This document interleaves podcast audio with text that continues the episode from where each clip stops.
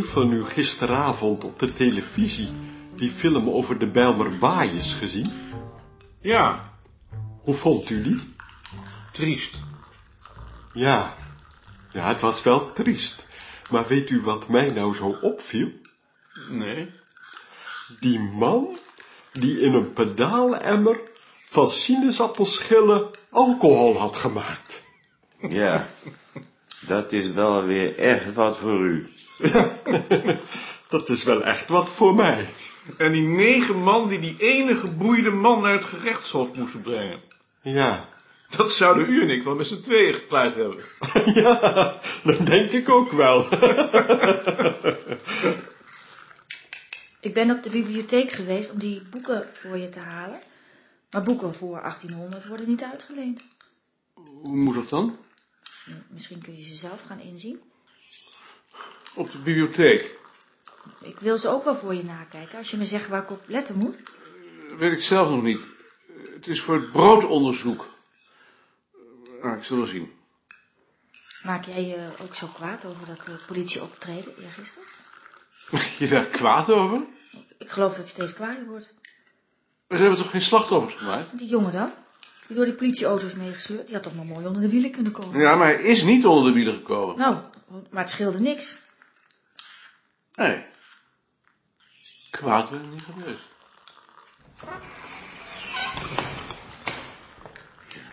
We hadden het laatst op de boerenhuisclub over oude schuren. Maar ik ben daar eens op gaan letten. En toen de burgemeester onlangs een oude schuur wilde slopen, zag ik pas hoe verdomd mooi zo'n oude schuur kan zijn. Ja, zo'n schuur kan verdomd mooi zijn. En? Hebben ze hem gesloopt? Nee, hij staat er nog. Ik heb hem weten te overtuigen dat zo'n schuur ook een cultuurmonument is. Echt een verdomd mooie schuur. Nou, nou, dat loopt ook wel eens anders af. Niet in mijn dorp. Je zou er eigenlijk een kassis moeten doorgeven. Kan die worden opgemeten? Dat, dat, dat is al gebeurd. Hij zal een opmeter sturen. In de kwekerij van mijn grootvader stond vroeger ook een schuur. Hmm, Daar stonden wel karren en eh, gereedschap. Hmm. En daar lag wat riet waarmee ze in de winter de rozen afdekten. En als het dan regende, dan eh, zat ik daar wel. En dan hoorde je de regen op het dak tikken. En dan de geur van het riet. een beetje stoffig, prikkelend. Oh, heerlijk. stond stil. Auto's waren er bijna nog niet en de wegen waren nog grindwegen. Als ik 's ochtends vroeg in de bedstee lag, dan hoorde je in de verte knijpen van de karren over het grind. Als de boeren gingen melken. Toen molken ze nog met de hand zeker. Toen mochten ze nog met de hand. Hmm, Ja. En ze werkten nog met melkbussen. Bij Schiedam stond toen een oude flessenfabriek. Helemaal vervallen met gaten in de muren. Prachtig. Daar mocht je niet komen. Het zal wel gevaarlijk geweest zijn, maar mijn opoe zei... Speel jij daar maar rustig, jongen, want daar heb ik nog aandelen van.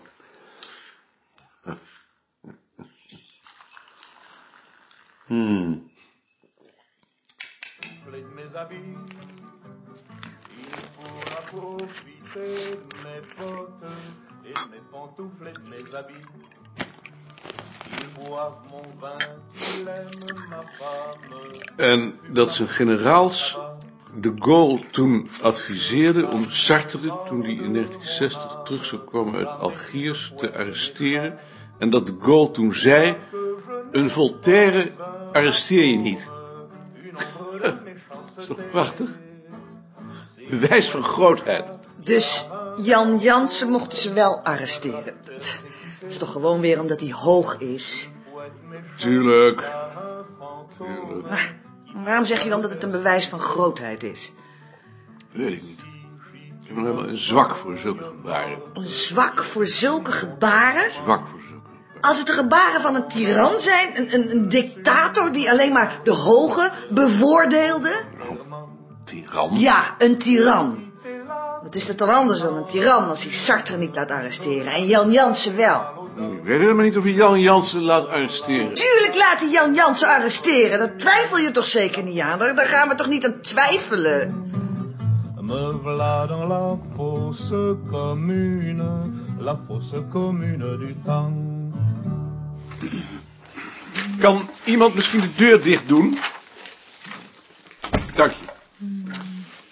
Ik breng even een herinnering wat er tot nu toe gebeurd is. In december hebben we op de afdelingsvergadering besloten dat we voortaan elk jaar een aparte vergadering aan de voortgangsrapportages zouden wijden.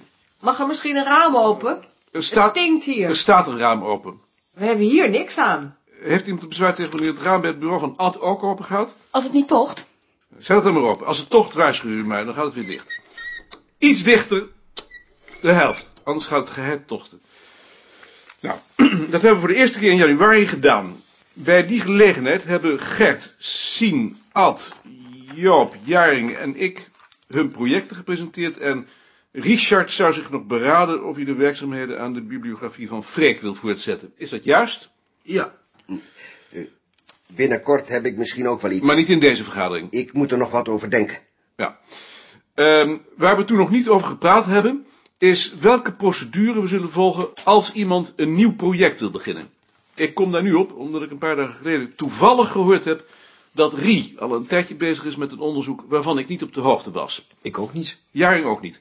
Intussen weet ik het, maar de vraag is of we daar niet een duidelijke procedure voor moeten vaststellen om te voorkomen dat we op een te laat tijdstip voor het blok worden gezet. Ik wist niet dat het hier zo'n bureaucratie was. Ik ben er gewoon aan begonnen omdat ik het leuk vond. Nou, Ik vind niet dat je dat bureaucratisch mag noemen. Als Rie dat bureaucratisch wil noemen, dan vind ik dat best. Het gaat er nu om wat voor procedure we in de toekomst willen volgen. En of dat nou wel of niet bureaucratisch genoemd wordt, dat interesseert me eigenlijk niet. Misschien kun je eerst vertellen wat dat onderzoek van je inhoudt. Dat weet je nou toch al? Maar de anderen weten dat nog niet. Die weten het heus ook wel. Er wordt hier zoveel gekletst. Ik weet het anders nog niet. Ik ook niet. Als, als ze dat weten, dan is dat officieus. Het wordt pas officieel als het in de vergadering is gebracht. Straatmuziek. En wat onderzoek je dan precies? Dat weet ik nog niet. Je zult er wel ergens je aandacht op richten. Functie, repertoire, verhouding tot de officiële muziek, sociale positie, instrumenten. De houding van de politie. In de loop van de tijd. Als ik daar gegevens over kan vinden. Wat voor bronnen gebruik je daar dan voor? Moet ik dat nu al zeggen? Dat hangt er vanaf welke procedure we willen volgen. Maar iemand kan toch niet zomaar onderzoek gaan doen? Er moet toch een afdelingspolitiek zijn? Ja, dat vind ik ook. Ik moet het in ieder geval kunnen verdedigen tegenover de commissie. De vraag is nu welke stem de afdeling daarin wil hebben. Dat stel ik aan de orde. Ik zie drie fasen. Iemand kiest een onderwerp. Hij of zij doet een verkennend literatuuronderzoek, eventueel ook een verkennend bronnenonderzoek. En op grond daarvan komt hij met een probleemstelling. De vraag is op welk ogenblik de afdeling daarin gekend wil worden en welke bevoegdheden jullie willen hebben. Ik stel voor dat we beginnen met een ronde waarin iedereen op de rij af zijn of haar mening geeft en dat we daarna tot een gemeenschappelijk standpunt proberen te komen. Lien, Ik hoef toch zeker niet te beginnen? jij moet beginnen. Ik ga met de klok rond. Dan ga ik hier nooit meer zitten. Volgende keer begin ik bij een ander. Maar als ik nou geen standpunt heb... Je weet toch wel of je in de keuze van een onderwerp of in de probleemstelling gekend wil worden? Ik begrijp niet waarom het nodig is om altijd een probleemstelling te hebben. Je kunt toch ook wel onderzoek doen eh, zonder een probleemstelling? Natuurlijk moet je een probleemstelling hebben. Je kunt toch niet zonder een probleemstelling? Op de universiteit werken ook Ehm. allemaal met een probleemstelling. Dat is in deze tijd een Eh. must. Eh, wacht even, Sien. We zijn nu bij Lien. Jij komt direct. Lien, dus wat jou betreft geen probleemstelling? Nee, Geen probleemstelling. Ehm, en eh, de keuze van het onderwerp? dat moet jij maar beslissen. Dus wat jou betreft hoeft de afdeling geen medezeggenschap te hebben. Nee. Maar ik wil wel graag weten waar iedereen mee bezig is natuurlijk. Hoe wou je dat dan organiseren? Kunnen we daar niet af en toe gewoon over praten? Goed. Af en toe gewoon over praten. Duidelijk. Tjitske, Maar Nou, ik, ik wil wel mee de zeggenschap. in welk stadium? Kan me niet schelen. Gert. Ik moet er niet aan denken dat een ander zich met mijn probleemstelling zou bemoeien. En jij ook niet met de probleemstelling van een ander? ja, dat natuurlijk wel. En de keuze van het onderwerp? Ja, dat ook. Hoe moet ik me zo'n procedure voorstellen? Vooropgesteld dat het over de anderen gaat. Dat iedereen eerst toestemming aan Gert vraagt. Ja, maar zo is het. Dan zul je toch nog een jaar of tien moeten wachten. Nee, nee, maar echt. ik- Ik vind dat we over de keuze van het onderwerp al met z'n allen moeten praten. En dat we dan de probleemstelling bij de eerste voortgangsrapportage schriftelijk krijgen. Kan dat? Als de anderen dat ook vinden. Mhm. Mark. Hm, nou, ik, ik vind dat iedereen maar individueel moet vaststellen welke procedure die wil en of die daar nog anderen bij wil betrekken. Een extreem liberaal standpunt. Ja, zo mag je het wel noemen. Zie. Ik begrijp echt niet hoe jullie er zo luchtig over kunnen praten. Ze zijn op het ogenblik overal aan het bezuinigen. Jullie denken toch niet dat wij gespaard worden? Als we straks geen duidelijk beeld kunnen geven van onze afdeling, dan heffen ze ons gewoon op. Dat gebeurt aan de universiteit ook al. Als we geen eigen aandachtsgebied hebben waarin al ons onderzoek kan worden ondergebracht, dan krijg je het verwijt van hobbyisme. Dan kunnen we wel inpakken. Zover is het nog niet. Maar zover komt het als we ons daar nu niet al op voorbereiden. En wat stel jij dan voor? Dat in ieder geval de keus van het onderwerp door iedereen geaccepteerd moet worden. Eén is wel eh, veel. Maar dat is echt nodig, anders vorm je geen eenheid. En de probleemstelling? De probleemstelling ook. Denk je dat iedereen dat kan overzien? In ieder geval globaal. Ik ben het met Sien eens.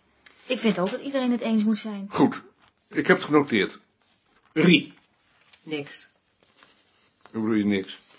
Ik vind het allemaal onzin. Geen inspraak. Als je wilt. Ad? Voor mij is het voldoende als iemand pas met een voorstel komt als hij een onderwerp heeft. De keuze en de verkenning mag je zelf doen. Wat mij betreft wel. En als die niet in de afdelingspolitiek past, dan is er weet ik hoeveel kostbare tijd verloren gegaan. Dat moet dan maar. Eh, Mag ik mijn standpunt nog wijzigen? Ga je gang. Ja. Ik zie aankomen dat er toch een of andere vorm van dwang uit de bus zal komen. Maar dat moet zich dan maar beperken tot het afdelingshoofd. Anders krijgen we ruzie. Daar ben ik ook voor. Het afdelingshoofd stemt de onderzoeken op elkaar af en spreekt eventueel zijn veto uit. Maar die man zal er toch verantwoording van moeten afleggen. Als het een verstandige man is, dan doet hij dat na consultatie van de afdeling. Daarvoor is de commissie. Ik noteer het. Joost. Ik sluit me aan bij Rie. Jij vindt het allemaal onzin. Inderdaad.